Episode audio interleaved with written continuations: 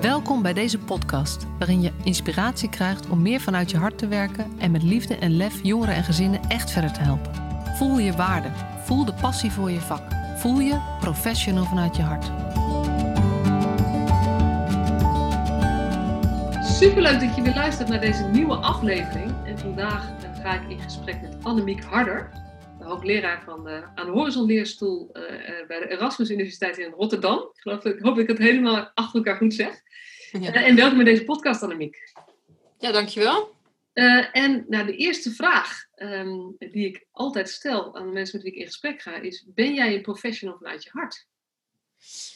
Nou ja, dat hoop ik wel. Um, ja, misschien niet een professional in de zin zoals uh, jij het misschien denkt of mensen in de, die in de jeugdhulp werken, maar ja, ik werk natuurlijk wel als professional in de ja, wetenschap en ook in uh, onderwijs.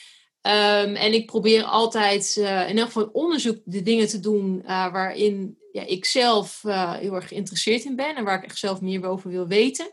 En ook waar ik inderdaad, um, nou ja, gewoon gedreven in ben, denk ik. Um, en dat maakt mijn werk ook heel erg leuk, omdat je daar gewoon wat ruimte voor krijgt om dus onderzoek te doen.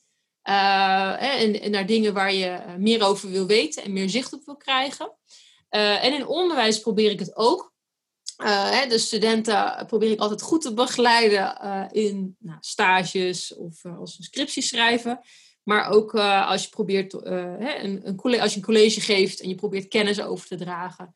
dat je dat probeert te doen, ehm, ja, inderdaad, vanuit je hart. Dus ook probeer ik in elk geval een beetje gepassioneerd om college te geven. maar dat is iets wat, wat ook echt, wat je ook moet leren. Dus ehm, eh, ik probeer er steeds beter in te worden. Ja. En je zegt al even iets over, over je achtergrond. Hè? Het is onderzoek en onderwijs. Want um, wat, weet je, een hoogleraar, dat klinkt dan zo chic. Professor, ja. en heet het ook volgens mij? ja, klopt. Je bent eigenlijk professor.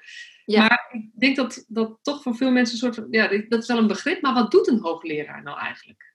Wat ja. Is ja, een hele goede vraag. Het klinkt inderdaad sowieso goed. Nou, dat is eigenlijk ook alleen de enige reden waarom ik uh, hoogleraar ben. Nee hoor, dat is een grapje. Um, uh, nee, ja, een hoogleraar is inderdaad echt die combinatie van, van onderzoek en onderwijs. Dus dat betekent dat je door middel van onderzoek meer zicht probeert te krijgen op, nou, bijvoorbeeld wat er in de jeugdzorg speelt, als er bepaalde problemen zijn. Proberen om meer zicht te krijgen op mogelijke oplossingen. Um, dus echt uh, ja, antwoorden proberen te vinden op, op vragen die er leven. Um, en um, dus dat is de ene kant als je het hebt over onderzoek doen. En uh, ja, ik hou heel erg van onderzoek doen in de praktijk. Uh, en dan heel specifiek de jeugdzorgpraktijk. dus dat betekent dat je ook echt probeert te kijken wat gebeurt er nu daadwerkelijk op de werkvloer. Dus al die professionals die er rondlopen, wat doen zij nou eigenlijk? Bijvoorbeeld in het contact met met jongeren en ouders. Um, hoe ziet de hulpverlening eruit? Hoe kunnen dingen misschien worden verbeterd? Um, dus dat is echt uh, het stuk onderzoek waar ik me dan specifiek mee bezig hou. Nou, er zijn natuurlijk hoogleraren die zich met hele andere onderzoeken bezighouden, hele andere thema's.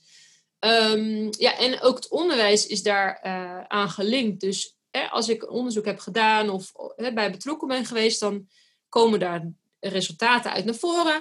En dan uh, probeer ik daar in mijn colleges hè, naar de studenten toe uh, wat over te vertellen. Of uh, ja, je komt in aanraking met bijvoorbeeld jongeren die in de jeugdhulp hebben gezeten. en dan nodig ik bijvoorbeeld iemand daarvan uit.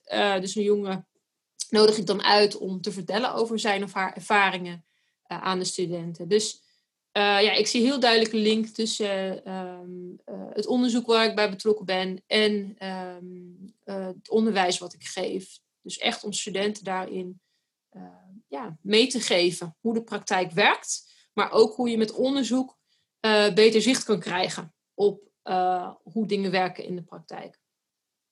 Ja, en wat ik heel, heel leuk vind aan, aan de ene kant, je zegt het zicht krijgen, maar direct eraan zit voor jou gekoppeld, als ik het goed hoor ook. Um, en wat betekent, niet leuk dat we zicht hebben, maar daar houdt het niet op. Want het gaat nee. meteen over, en wat kunnen we ermee, zodat het ook kan bijdragen aan het verbeteren van die, versterken van die praktijk. Ja, ja zeker. Dus dat je ook echt daarin dat aanknopingspunten voor vindt om die praktijk vooruit te helpen. Ehm, dus ik vind ook eigenlijk alle onderzoeken waar ik bij betrokken ben, moet, vind ik, nut hebben voor de praktijk. zo, er zijn ook onderzoekers die daar anders over denken. Um, jullie zouden nu Annemiek de gezicht even moeten zien. Dit is wel iets waar je, wat je, waar je echt hard voor maakt, volgens mij. Ja, nou zeker. En um, ja, dat is, het is voor mij echt uh, ja, alleen maar zinvol om onderzoek te doen als het ook echt bijdraagt aan de praktijk. Uh, en daarom is het denk ik ook wel, um, nou echt, uh, ik denk dat het ook heel waardevol is daarom. Dus het is niet alleen maar vanuit een ivoren toren bedenken wat ik belangrijk vind of wat ik interessant vind en wat, wat, hè, wat ik dan ga onderzoeken. Maar ik probeer ook echt iets te doen waarmee je um, inderdaad uh, een verschil kan maken in de praktijk. Hoewel ik natuurlijk zelf niet als hulpverlener uh, aan het werk ben. En ik denk dat onderzoek dan echt een aanvulling kan zijn op de praktijk. Want ik heb bijvoorbeeld betrokken bij een onderzoek waar we ook echt observaties hebben gedaan. Dus echt hebben gekeken naar uh, gesprekken tussen jongeren en professionals. Dus wat doen die professionals echt in het contact? En hebben we echt ook die uh, gesprekken bijvoorbeeld letterlijk uitgeschreven. En dan zie je dus heel duidelijk wel dat professionals bepaalde acties toepassen of bepaalde dingen doen tijdens zo'n gesprek, uh, wat niet zo effectief is. Of waarvan we in geval weten op basis van onderzoek dat het niet zo effectief is om bijvoorbeeld gedragsverandering te bereiken. Nou en dat kan je niet, dat is de enige manier om daar zicht op te krijgen, is met onderzoek. Hè, is om dat te observeren. Uh, en je ziet natuurlijk ook wel dingen dat ze wel doen, wat effectief is en waar ze al heel goed in, in zijn. Dus dat kan je natuurlijk ook dan weer uh, laten zien. Dus het is, ja, ik denk dat het een, een, een ja, echt een goede, mooie manier is van uh, ja, observeren ook wat er in de praktijk gebeurt. En dat ook gebruiken om ja, eigenlijk gewoon te reflecteren voor die praktijk wat er gebeurt. Ja, ja.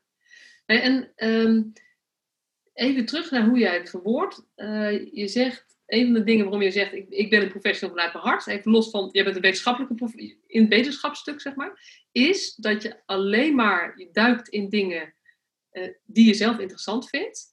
Uh, en dan, dan zeg je, het is zo mooi, want daar krijg je dan ook ruimte voor. Maar ja. dat triggert mij, want krijg je die ruimte of creëer je zelf die ruimte?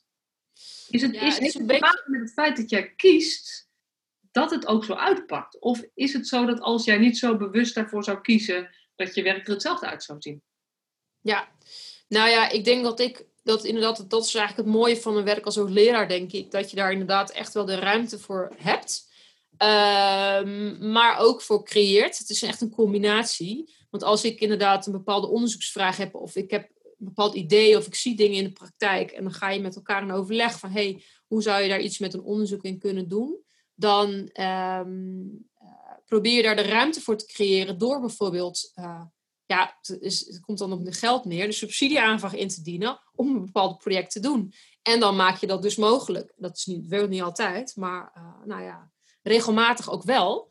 Um, dus ja, je hebt als, ja, als onderzoeker daar wel, um, wel, wel ruimte in. En als je het dan hebt over jeugdzorgprofessionals, die waarschijnlijk ook luisteren naar deze podcast, Um, dan denk ik ook dat die autonomie ook voor juist die groep uh, denk ik ook wel heel, heel belangrijk is. En misschien wel, nou ja, misschien wel, waarschijnlijk wel, um, wat te beperkt is uh, op dit moment.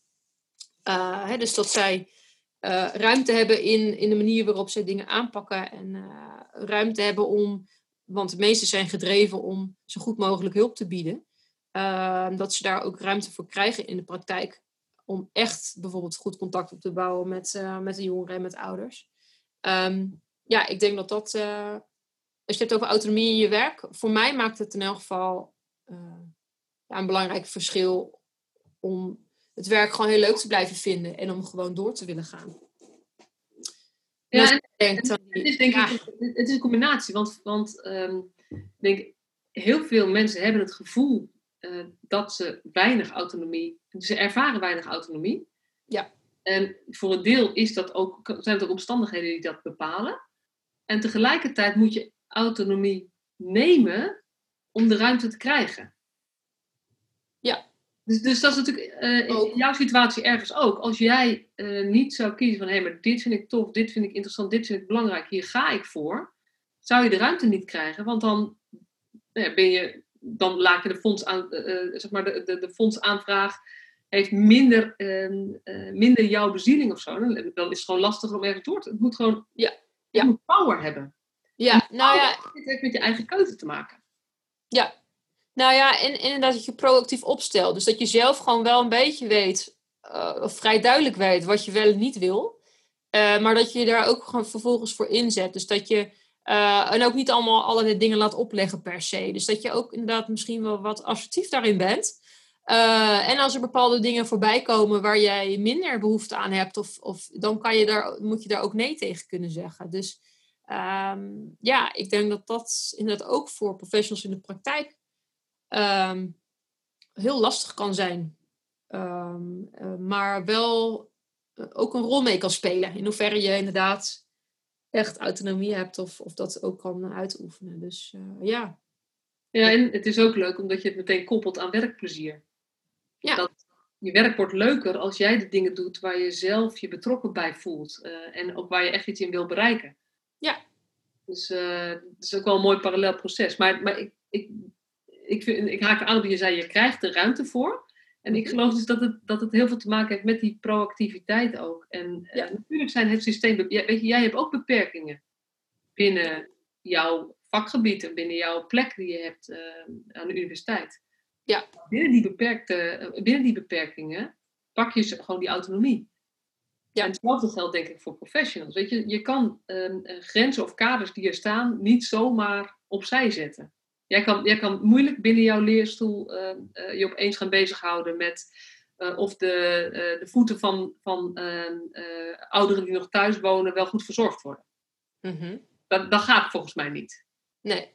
nee. Dus dat is een grens. Dus die ja. je te respecteren. Maar binnen die kaders kun je veel autonomie pakken. Ja, ja zeker. Dus eigenlijk best wel veel mogelijk.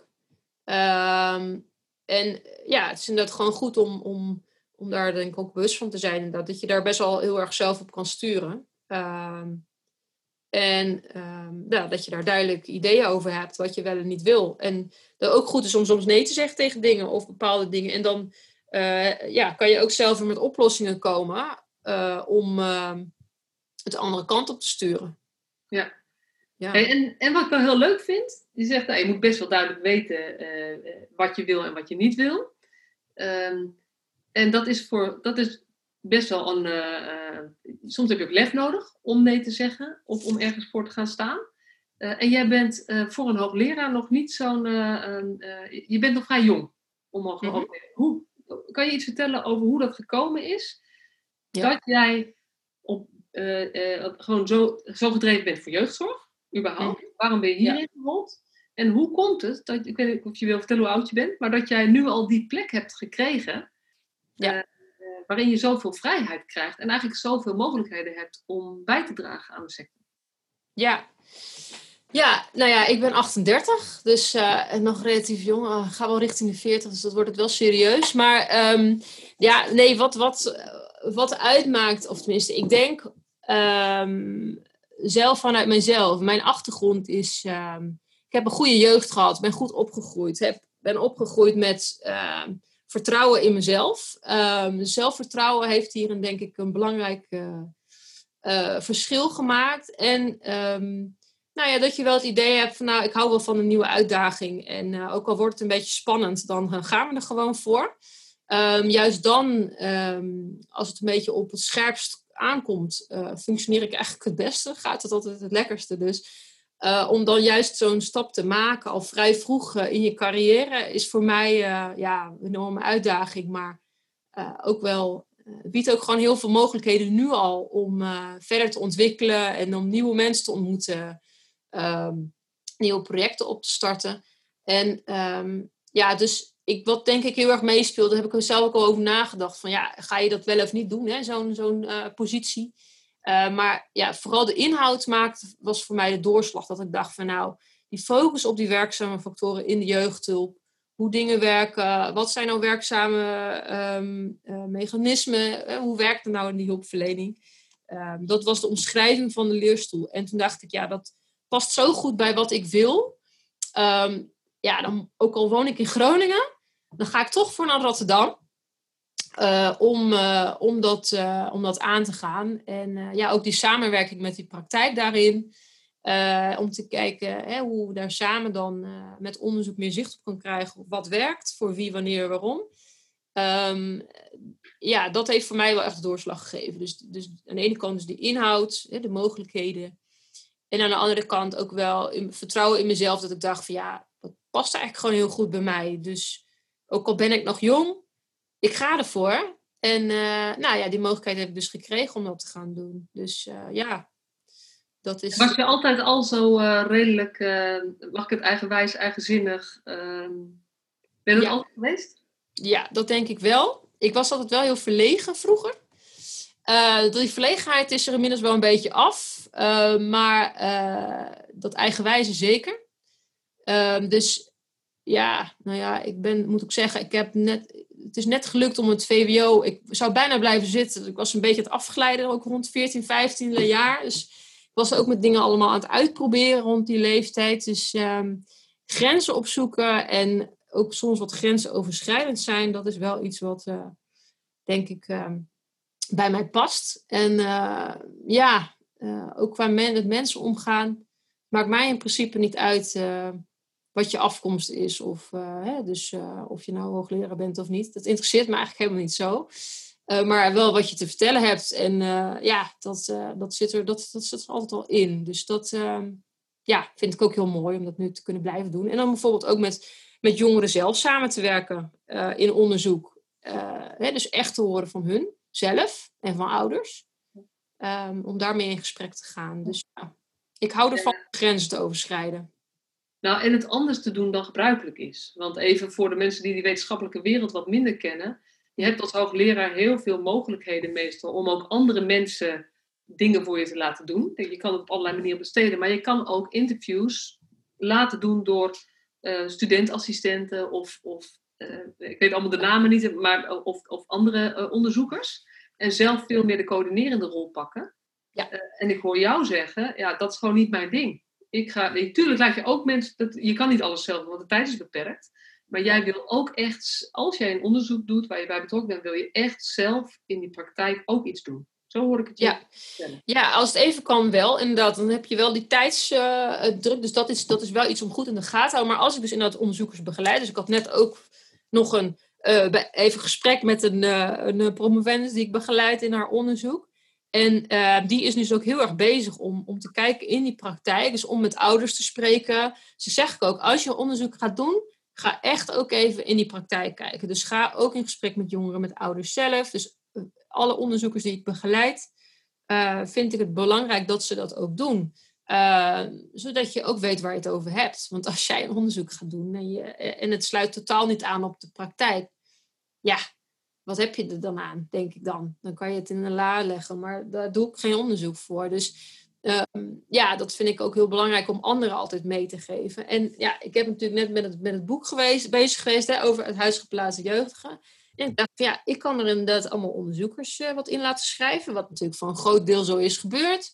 Maar ik wil ook met een aantal jongeren in gesprek. Um, en, en, en ja, horen over hun leven en wat zij vinden over de hulpverlening die ze hebben gehad. Dus dat soort verhalen maken soms uh, ja, bepaalde dingen duidelijk, maken dingen ook heel concreet. Uh, en uh, bieden heel belangrijke aanknopingspunten voor zowel de praktijk, maar ook voor onderzoek. Van waar moet je nou nog meer zicht op krijgen? Of wat is nog belangrijk om verder in kaart te brengen? En ja, ik merk ook gewoon nu ik de interviews weer heb gedaan voor het boek, dan denk ik van, oh ja, dit is gewoon hartstikke leuk. Uh, hier word ik gewoon echt, uh, echt blij van, ook gewoon jongeren zelf te spreken. Hoewel hun geschiedenis natuurlijk helemaal niet blij en vrolijk is. Maar om dat op een goede manier proberen weer te geven, ook in zo'n boek. Ja, dat vind ik wel uh, nou ja, een uitdaging. En ik vind dat, nou, dat, dat mooi als dat hun verhaal dan ja, ook voor, voor, voor iedereen beschikbaar komt uiteraard met hun toestemming en dat ze dat ook zelf graag willen. En ze lezen dat ook zelf van tevoren om te kijken of het wel allemaal klopt en erin staat zoals zij het willen. Um, maar ja, zeker. Dus ik probeer zeker uh, ook echt in gesprek te gaan zelf met jongeren en ouders. Maar ja, gezien de tijd moet je daar altijd in schipperen. Um, maar de, de, onderzoekers waar ik mee werk, uh, ja, vind ik het heel belangrijk dat zij uh, weten hoe de praktijk eruit ziet. Dus zit er altijd een stuk in van meelopen in de praktijk. Ga in gesprek met professionals. Wat speelt er nu echt in de praktijk? Waar moet je rekening mee houden? Hoe kan je zo goed mogelijk zo'n onderzoek afstemmen uh, op de behoeftes van jongere ouders, maar ook van juist van professionals? Ja. Ja. ja, dat is wel mooi, want dat is wel iets, en dan ben ik heel chargerend, maar wetenschap wetenschappers kunnen de neiging hebben om vanuit literatuuronderzoek met vragenlijsten best wel grootse conclusies te trekken. Ja.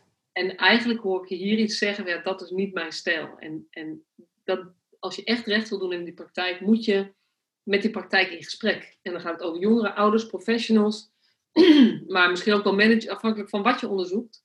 Um, je, je komt er niet met literatuuronderzoek en um, vragenlijsten die ingevuld worden.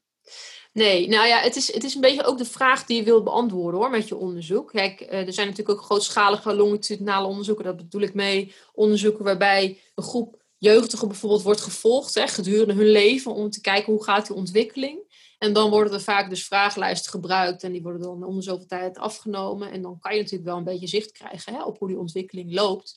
Maar als je echt meer zicht wil krijgen op uh, hoe die hulpverlening eruit ziet, wat er gebeurt in die interacties, want het gaat eigenlijk altijd over interacties, um, dan kan je niet kijken naar één persoon of bijvoorbeeld een vragenlijstje afnemen. Dan moet je bijvoorbeeld ook echt kijken naar hoe zien die interacties eruit. Dan moet je echt meer denken aan observatieonderzoek. Um, en ja, dus, dus ik denk ja, dat het vragenlijst kan, maar het liefst heb ik uh, de combinatie. Of uh, dat je inderdaad toch ook in gesprek gaat. Dus dat je ook interviews doet. Want vaak krijg je daar gewoon nog een beter beeld van. Of ook bijvoorbeeld meer een verklaring voor waarom bepaalde dingen zo gaan zoals ze gaan. Dus waarom een kind een bepaalde richting op ontwikkelt. Um, je kan dan die ontwikkeling zien. Met vragenlijsten kan je die ontwikkeling misschien zien. Maar door in gesprek te gaan, kan je meer kijken naar uh, wat zijn nou verklaringen daarvoor? Of hoe komt het nou dat? En vooral die vraag vind ik interessant. En dan ook vooral te kijken, hoe kan het veranderen? Dus hoe kan je, als er problemen zijn, hoe kan je er dan veranderingen in aanbrengen? Ja, ja. ja heel mooi. Uh, ik zit eigenlijk een beetje te denken, waar gaan we op door? Want ligt, ik, ik, weet dat je ook uh, veel betrokken bent bij het Vergeten Kind. Vind ik goed om even te noemen. Mm -hmm. um, omdat je ook echt de, de kinderen en jongeren uh, een stem wil geven en naar hen wilt luisteren. En ook wilt luisteren waar, waar zij tegenaan lopen en hoe we daar verbeteringen kunnen brengen. Dat is, nou ja, het is niet helemaal de, je uitgangspunt, maar daar sluit je wel heel graag bij aan, volgens mij. Ja. Um, uh, en je, je zegt wel eens even iets over het boek Uit Huis Geplaatst. Je hebt een boek geschreven, um, uh, Uit Huis Geplaatste Jeugdigen, Sleutels tot Succes in Behandeling en Onderwijs. en daar heb je um, op allerlei manieren, dan ga je in op wat werkt nou wel. Niet zozeer wat niet werkt, dat zeg je net ook een paar keer, maar wat werkt nou wel? Zou je daar iets over kunnen... Misschien mag jij mag kiezen welke kant je hebt. Misschien wil je iets over vergeten kind zeggen of zeggen, nee, ik vind het eigenlijk leuk om over dat boek te... Uh, nou ja, eigenlijk zijn het wel twee dezelfde dingen, denk ik. Hè? Want uh, de stem van de jeugdige centraal stellen en echt luisteren naar waar de jeugdigen en ouders bijvoorbeeld behoefte aan hebben, is ook een belangrijke werkzame factor hè? In de hulpverlening. Ja, dus dan combineren we dat meteen even. Um, dus uh, uiteindelijk, eh, als hulpverlening effectief uh, is, is gewoon een belangrijke factor daarin, is gewoon die samenwerkingsrelatie tussen die hulpverlener en die cliënt.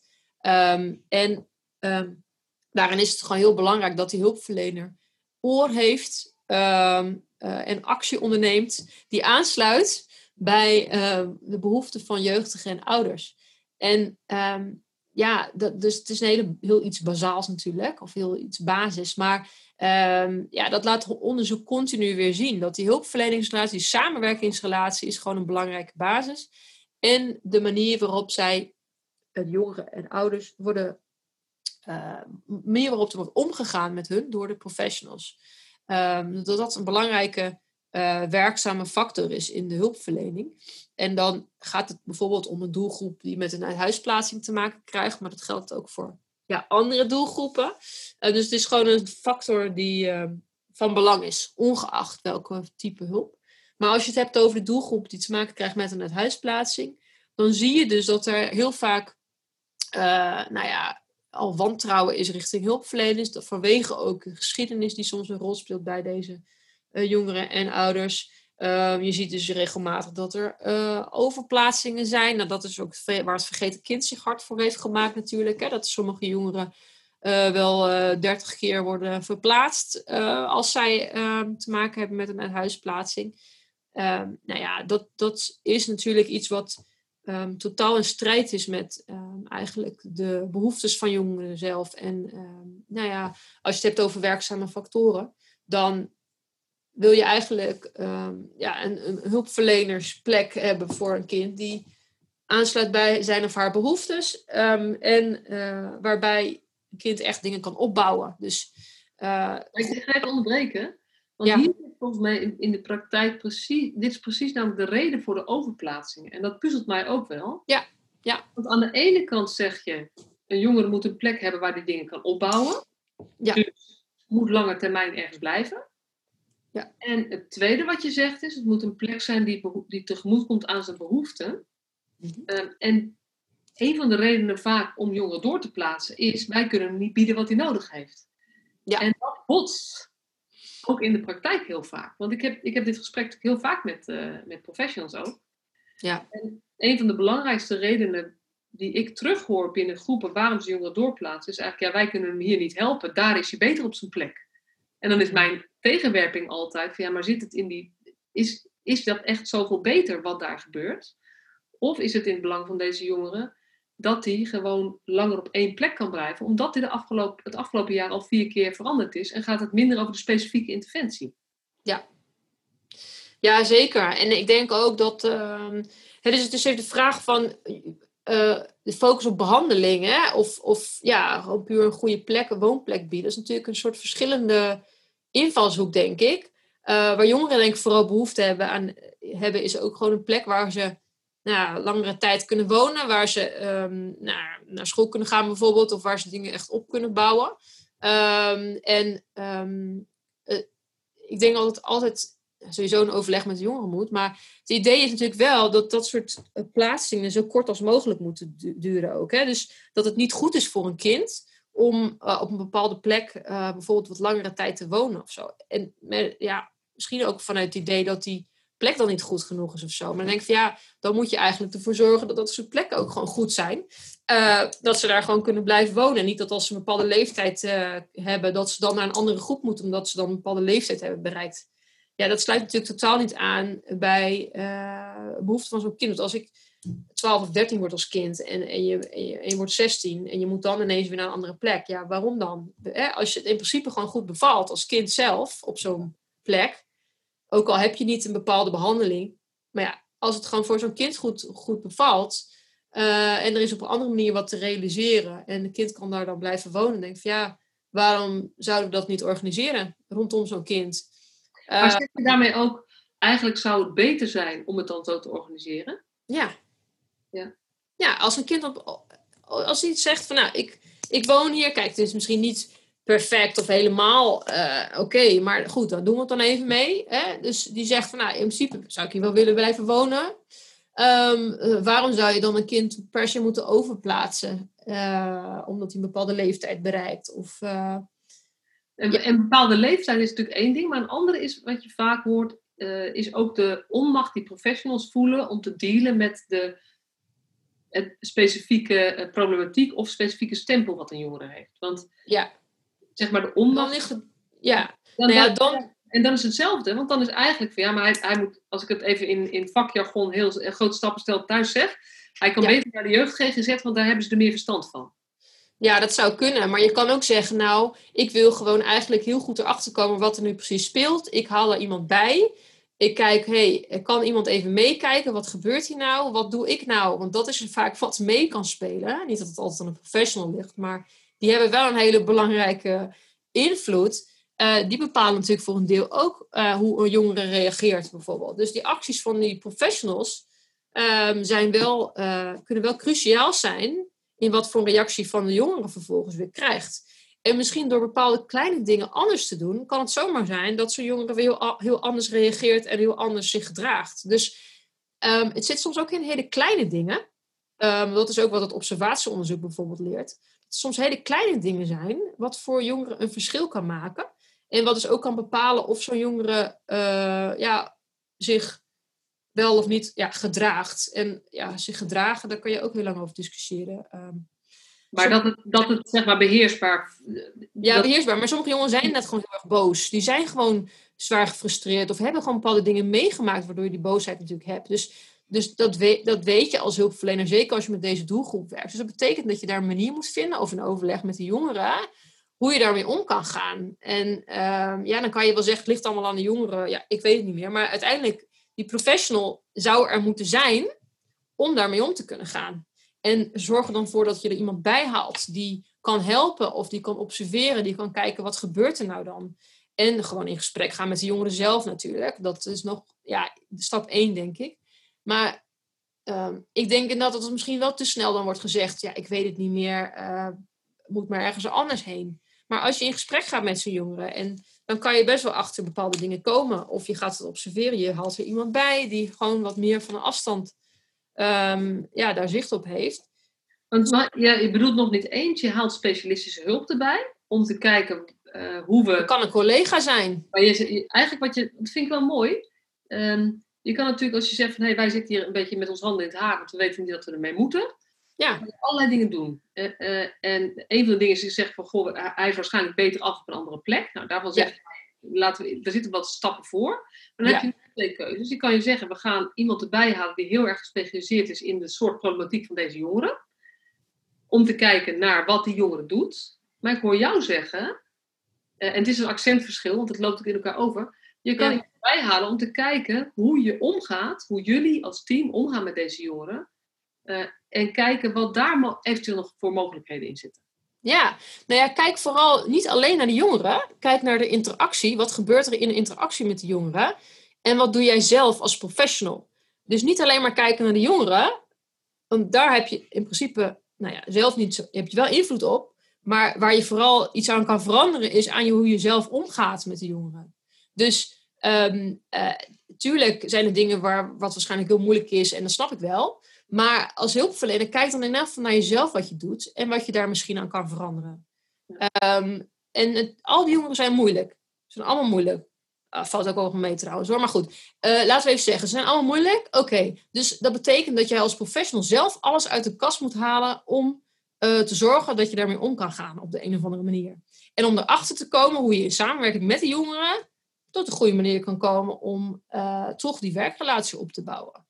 En ik denk dat er te snel aan voorbij wordt gegaan. Dat um, uh, ja, echt, echt interesse hebben in wat er in de jongen omgaat, wat er met hem of haar gebeurt. En om daar echt, dat, echt een goede behandelrelatie op te bouwen. Um, dat dat lang niet altijd gebeurt in de praktijk. En dat er, ja, je moet natuurlijk volgens bepaalde regeltjes werken, je moet bepaalde doelen bereiken. Nou, daar wordt veel te veel op gefocust. Terwijl je eerste doel is eigenlijk om de jongeren te leren kennen en een samenwerkingsrelatie op te bouwen als je dat niet hebt, kan je helemaal geen doelen bereiken. Het heeft helemaal geen zin om bepaalde behandeldoelen te stellen. Ja. Dus, um, en dit is even voor mij, want dit roep ik, roep ik gewoon, maar ik zeg dan altijd, weet je, zo zit het. Maar ik, ik weet dan niet waar ik het allemaal op baseer. Maar dit is ook, komt ook uit je, jouw wetenschappelijke kenniscode. Ja, nou ja, de samenwerkingsrelatie, ja, de samenwerkingsrelatie is gewoon een belangrijke voorwaarde om überhaupt bepaalde behandeldoelen echt, uh, laten we zeggen, te bereiken met een, um, met een uh, langdurige impact. Dus als jij um, bepaalde behandeldoelen stelt voor een kind, bijvoorbeeld je moet uh, niet meer blowen, ik noem maar wat, um, nou, dan moeten jongeren zelf ook echt van overtuigd zijn dat dat een, een, een, goede keuze is voor hem of haar. Dus je moet daar veel meer in investeren om de jongeren echt mee te nemen en ook zelf overwegingen te laten maken in wat voor hem of haar redenen zijn voor de jongeren zelf om bijvoorbeeld minder te blowen of niet meer te blowen. Dus, um, en daar kan je als, je kan als medewerker natuurlijk gewoon zeggen als professional, ja, jij moet niet meer blowen. En dat moet je niet meer doen. Dat is, gewoon, dat is gewoon een tactiek die je kan toepassen. Maar door die tactiek toe te passen, weten we gewoon dat het niet effectief is. Dan kan je wel zeggen, ja, de jongeren luisteren niet. Ja, ik kan niks meer met die jongeren. We moeten er ergens anders naartoe plaatsen. Ik, dit is een heel simpel voorbeeld. Hè? Dat is natuurlijk veel complexer in de praktijk. Nou, het is simpel en het is een beetje gechargeerd, maar het is ook wel wat gebeurt. Zeker ja. op het moment dat het, dat het jongeren zijn waarbij je niet zo gemakkelijk uh, uh, een makkelijke samenwerkingsrelatie opbouwt. Nee, precies. Lastig gedrag hebben. Want dan versterk je eigenlijk, dan, dan wordt er vaak steeds meer gekeken naar het lastige gedrag van de jongeren. Ja. En eigenlijk Ehm, want ik zeg dat vaak, en jij zegt nu, het komt eigenlijk ook uit onderzoek naar voren dat dat inderdaad is. Juist op dat moment moet je gaan investeren in de samenwerkingsrelatie die je hebt. Ja, en heel goed kijken naar wat je als hulpverlener aan het doen bent. Want als je bijvoorbeeld merkt dat de jongere meer weerstand laat zien, hè, of uh, ja, zich heel erg af gaat zetten, of je krijgt meer incidenten met jongeren, dan is dat gewoon een signaal dat jij zelf als professional wat anders moet gaan doen. Um, dus het is eigenlijk gewoon een, uh, iets, een, een, teken richting jezelf. En dan kan je wel zeggen, ja, de jongere moet weg, want daar kan er niks mee. Maar kijk dan naar jezelf. Wat ben je aan het doen? Hoe kan je er zelf het anders doen? En natuurlijk is het niet zo gemakkelijk als dat ik zeg. Maar um, ja, jongeren overplaatsen, ja, dat is natuurlijk ook wel, ja, dat is, is denk ik een uiterste. En dat zou je eigenlijk, zou eigenlijk niet nodig moeten zijn. Want als je als professional werkt met deze doelgroep, dan weet je dat het een moeilijke doelgroep is. Dat betekent dus ook dat je er echt zelf uh, hard voor aan de bak moet. Um, en met de ene jongen is dat makkelijker dan met de andere. En natuurlijk ga je niet met iedereen een klik krijgen. Heb je daar verschillen in? En is het ook goed om, dat gewoon, om daar gewoon duidelijk over te zijn.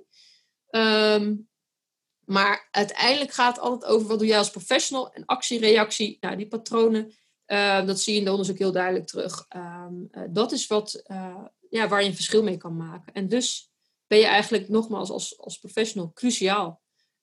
ook om te erkennen dat jouw rol daarin heel belangrijk is.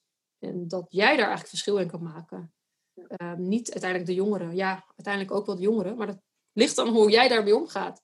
Ja. Um, jij bent echt de sleutel. En eigenlijk ja, ben jij, jij bent ook de enige aan wie je wat kan veranderen. Je kunt wel praten dat de jongeren moet veranderen, maar dat kan alleen maar gebeuren eigenlijk als je zelf iets anders gaat doen. Ja. Of een soort, een soort magisch wonder. Ja. Uh, maar het is ook niet eerlijk om eigenlijk tegen een jongere te zeggen: jij moet veranderen, jij moet veranderen. Uh, nee. En uh, ook nog allerlei ideeën te hebben hoe die, wat dat dan zou moeten zijn. Terwijl je eigenlijk niet bezig bent met: hé, maar wat doe ik dan precies in dat proces? En waar kan ik veranderen zodat het voor hem of haar makkelijker wordt, logischer wordt om op een andere manier te reageren, bijvoorbeeld? Ja.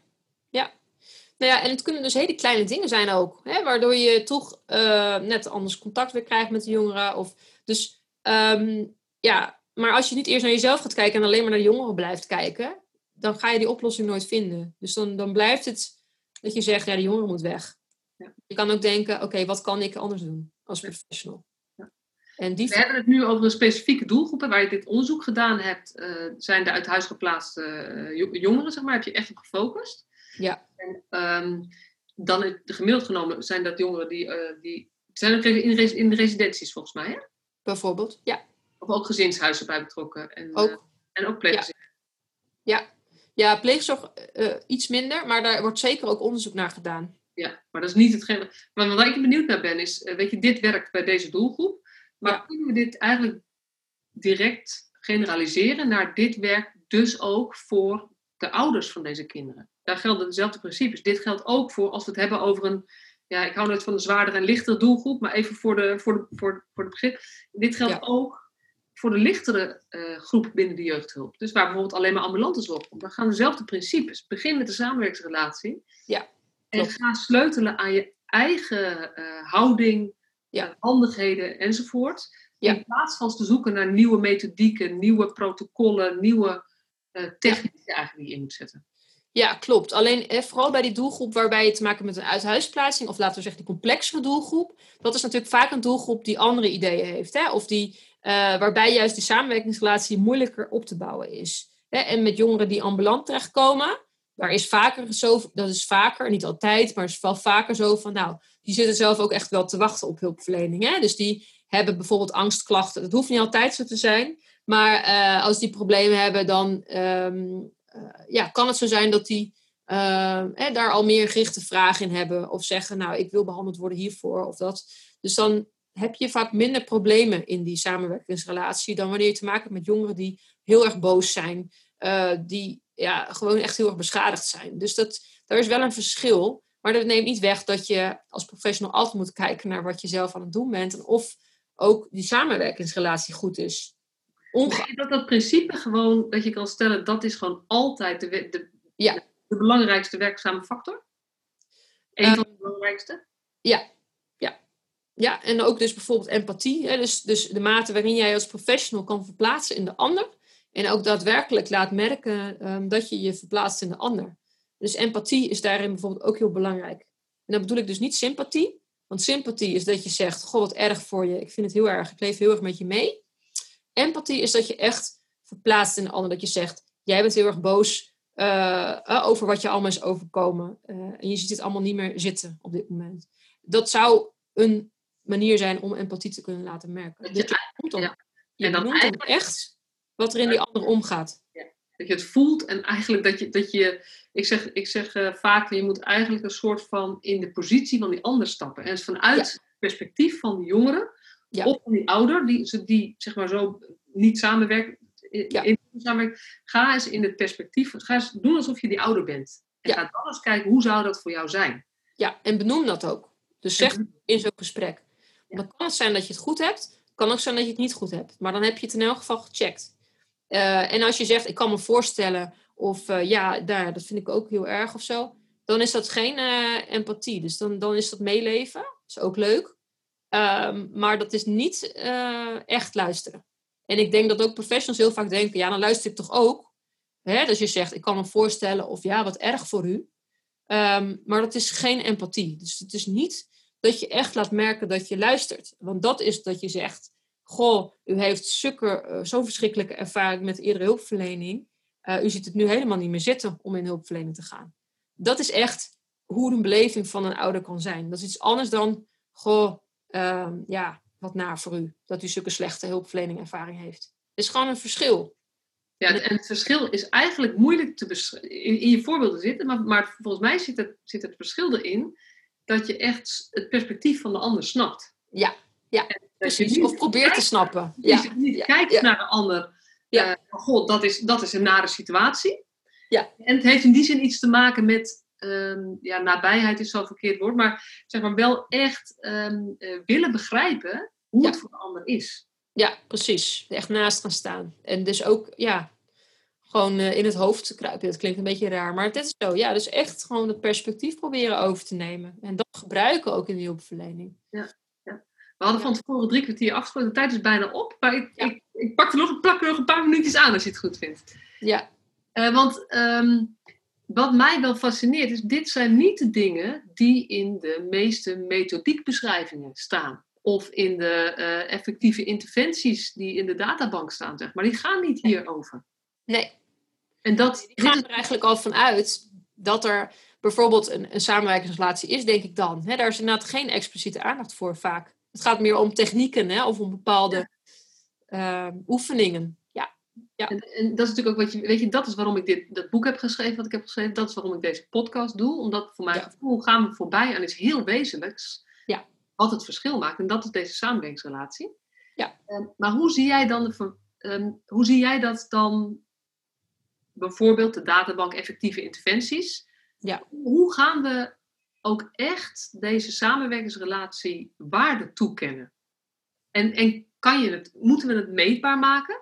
Vraag ik even met jou. Weet je, als wetenschapper hou je natuurlijk van meetbare dingen. Zit ja. daarin? Moeten we daar iets in doen? Wat, wat zou volgens jou kunnen bijdragen aan dat we dit meer ruimte geven of aandacht geven, dat het meer de plek krijgt die het verdient? Ja, nou ja, kijk, als je het hebt over de interventies. Ik denk dat je eh, ongeacht welke interventie je daarvan ook toepast, dat het, dat het zou moeten gaan ook om continue check tijdens de hulpverlening, wat je ook aan het doen bent. Of um, je nog steeds op, dezelfde lijn zit met zo'n cliënt. Dus dat je continu moet checken als hulpverlener. Oké, ik ben nu deze oefening aan het doen, of we gaan nu dit doen. Maar is dit ook waar die cliënt op zit te wachten? En uh, sluit het ook nu nog aan bij die behoeften van die cliënt of niet? Um, dus om dat continu te checken, om daar steeds aandacht voor te houden.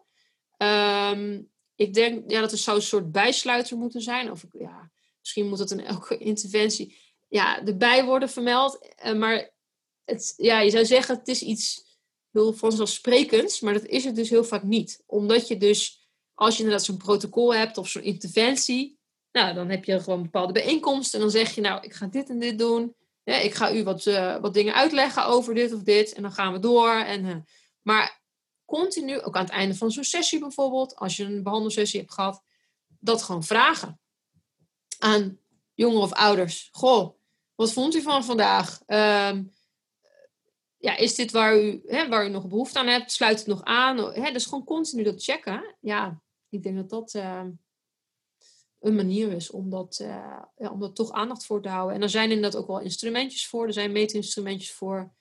Uh, bijvoorbeeld van die session rating skill bijvoorbeeld. Hè, met een paar vragen uh, over hoe vond u dat vandaag was. Dat kan, dat kan je gebruiken. Nou je moet gewoon altijd ook voor waken dat het niet sociaal wenselijk wordt natuurlijk. Dat niet ouders iets hebben van nou, ik ga meedoen omdat die hulpverlener graag dit wil.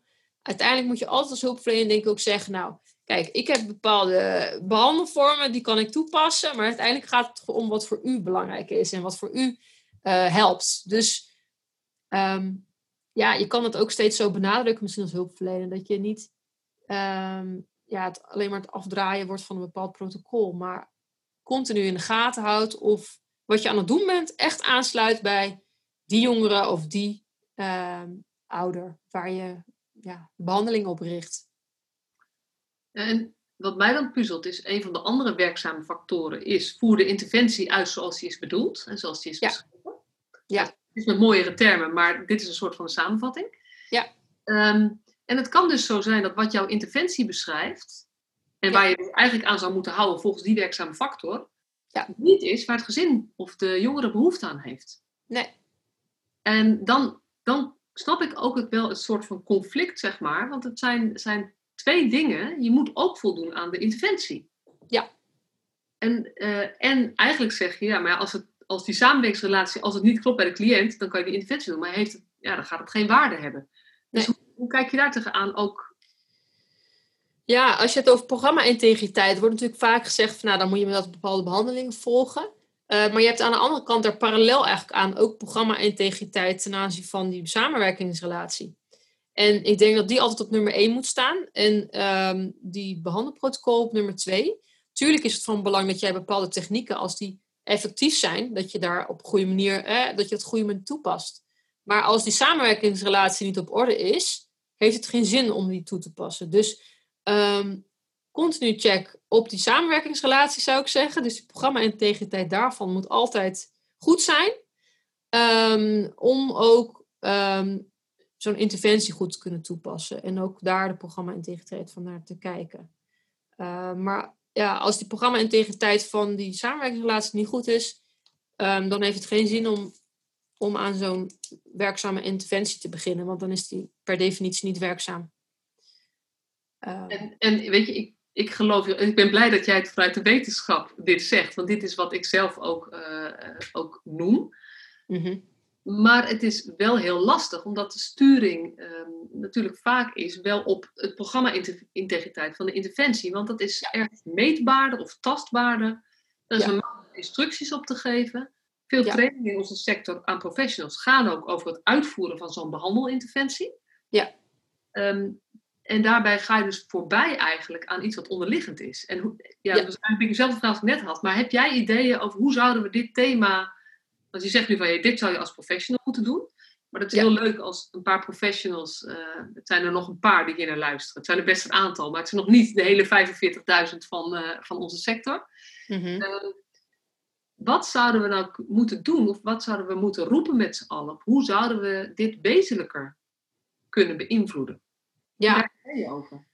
Ja, nou ja, ik denk sowieso als je dan een programma integriteit meet hè, van zo'n interventie, dat je dus ook automatisch altijd moet kijken naar uh, de samenwerkingsrelatie. Dus ook om dat mee te nemen in die metingen. Uh, dat is niet zo, hè, volgens mij. Nee, het ligt een beetje aan de interventie, denk ik. Uh, bij een aantal is daar wel aandacht voor, bij anderen niet. Uh, maar dan zou je eens naar moeten kijken. Dat, ik heb dat niet uh, gedaan, dus uh, dat zou je dan moet, in kaart moeten brengen. Maar wat wel zo interessant zou kunnen zijn, is ook om bijvoorbeeld in onderzoekers te kijken naar uitvoering van interventies. Um, en dan expliciet sowieso aandacht te hebben voor de samenwerkingsrelatie. En ook voor die elementen die worden toegepast. En dan zou je kunnen verwachten um, dat als aan alles wordt voldaan, dat het meer effectief is dan wanneer bijvoorbeeld aan die samenwerkingsrelatie niet goed wordt voldaan. Uh, dus dat het dan minder effectief is. Dus je zou daar wel, maar dan zit ik heel erg aan onderzoek te denken, um, dat zeker met onderzoek wel wat in kaart uh, kunnen brengen. Dus het zou wel een, uh, wel een goed idee zijn om ook die, ja, laten we zeggen, die algemeen werkzame factoren, zoals die samenwerkingsrelatie, en meer specifiek werkzame factoren, zoals bepaalde technieken of tactieken, uh, om dat scherper in kaart te brengen in het kader van onderzoek. Maar ja, als je dus kijkt naar bijvoorbeeld de volwassen psychotherapie, onderzoek wat daar is gedaan, dan laat tot nu toe nog steeds het onderzoek zien dat vooral dus uh, die empathie die samenwerkingsrelatie en wat die professional doet tijdens de behandeling, dat dat vooral uh, het, het verschil maakt. En nog niet heel duidelijk bepaalde ehm, technieken of, of interventies. Maar goed, dat komt ook door de manier waarop het onderzoek is, is gedaan. Ehm, dus het is zeker van belang, altijd denk ik, als je gaat kijken naar de effectiviteit van een interventie, om ook die samenwerkingsrelatie als factor daarin mee te nemen. Ja. Dus dat zou eigenlijk, nou, dat zou ik leuk vinden als iemand van het NJI luistert. Wat natuurlijk toch een verzamelplek is van alle uh, interventies. Ik ben, weet je, alle, veel interventies en veel onderzoek. Dat ze eigenlijk daar ook eens expliciet aandacht aan zouden moeten besteden. Van hoe, doen, hoe gaan wij daarmee om? Bij het kijken naar interventies vinden we het, is die samenwerkingsrelatie um, uh, wezenlijk onderdeel van de interventie? Of is het iets wat we aannemen? Want eigenlijk kan dat niet. Je kan niet aannemen de samenwerkingsrelatie is goed, dus we hoeven alleen maar te focussen op de interventie. Nee, nee zeker. En dat gaat het ook over uh, uh, ja, eigenlijk therapeut-effecten. Want er zijn therapist-effects, wordt het wel genoemd. dus vooral ook die rol van die professional in die samenwerkingsrelatie om daar goed naar te kijken. Want ja, het is gewoon wel duidelijk dat professionals die beter aansluiten bij de cliënt, en dus die eigenlijk ja, betere, laten we zeggen, samenwerkingsvaardigheden hebben, dat die ook meer effect kunnen bereiken met een interventie. Dus dat die zeker belangrijk is om ook naar te kijken. Dus echt dat verschil tussen behandelaars. Ja. ja. Nou ja, het is uh, voldoende input om weer eens over na te denken. Uh, ja, super mooi. Dankjewel voor, uh, voor alles wat je met ons gedeeld hebt. Zou jij nog, is er nog iets wat je eigenlijk had willen zeggen, wat je zou willen toevoegen? Nou, um, ik denk niet, ik denk dat het belangrijkste is gezegd, maar wat, wat ik wel nog aan professionals in elk geval wil meegeven, is dat zij echt cruciaal zijn in de behandeling waar zij met jongeren en ouders, en dat zij ook heel goed bewust daarvan moeten zijn dat zij echt het verschil kunnen maken. Dus ik hoop dat zij nou ja, na dit gesprek daar nog wat meer aanknopingspunten voor hebben. Oké, nou, hey, hartstikke, hartstikke bedankt. En uh, nou luister, ik hoop dat je, dat je veel uit dit gesprek haalt. En uh, Annemiek Harder is zeker iemand om te volgen. Want ik kan zien hoe zij praat over deze dingen. Jullie horen het misschien, maar er zit veel passie achter, ondertussen. Ehm, en dankjewel voor je bijdrage ook op deze manier aan, aan onze mooie sector. Superleuk dat je weer luisterde naar deze podcast. Dankjewel. Nog even kort een paar belangrijke dingen.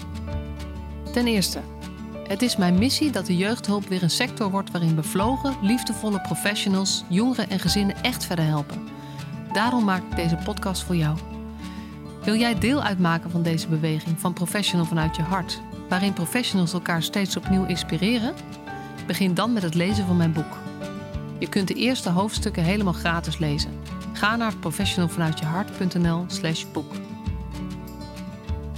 Ten tweede, wil je alle podcastafleveringen overzichtelijk onder elkaar?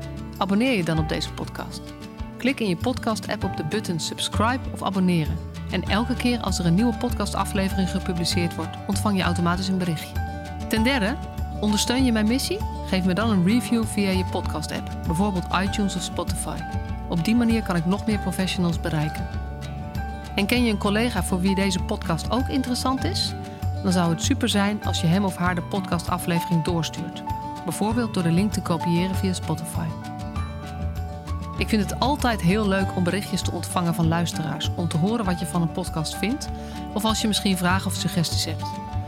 Of als een aflevering je een bepaald inzicht heeft gegeven of er iets in beweging is gekomen. Stuur me dan even een berichtje op masha.professionalvanuitjehart.nl via de website of stuur me een connectieverzoek op LinkedIn.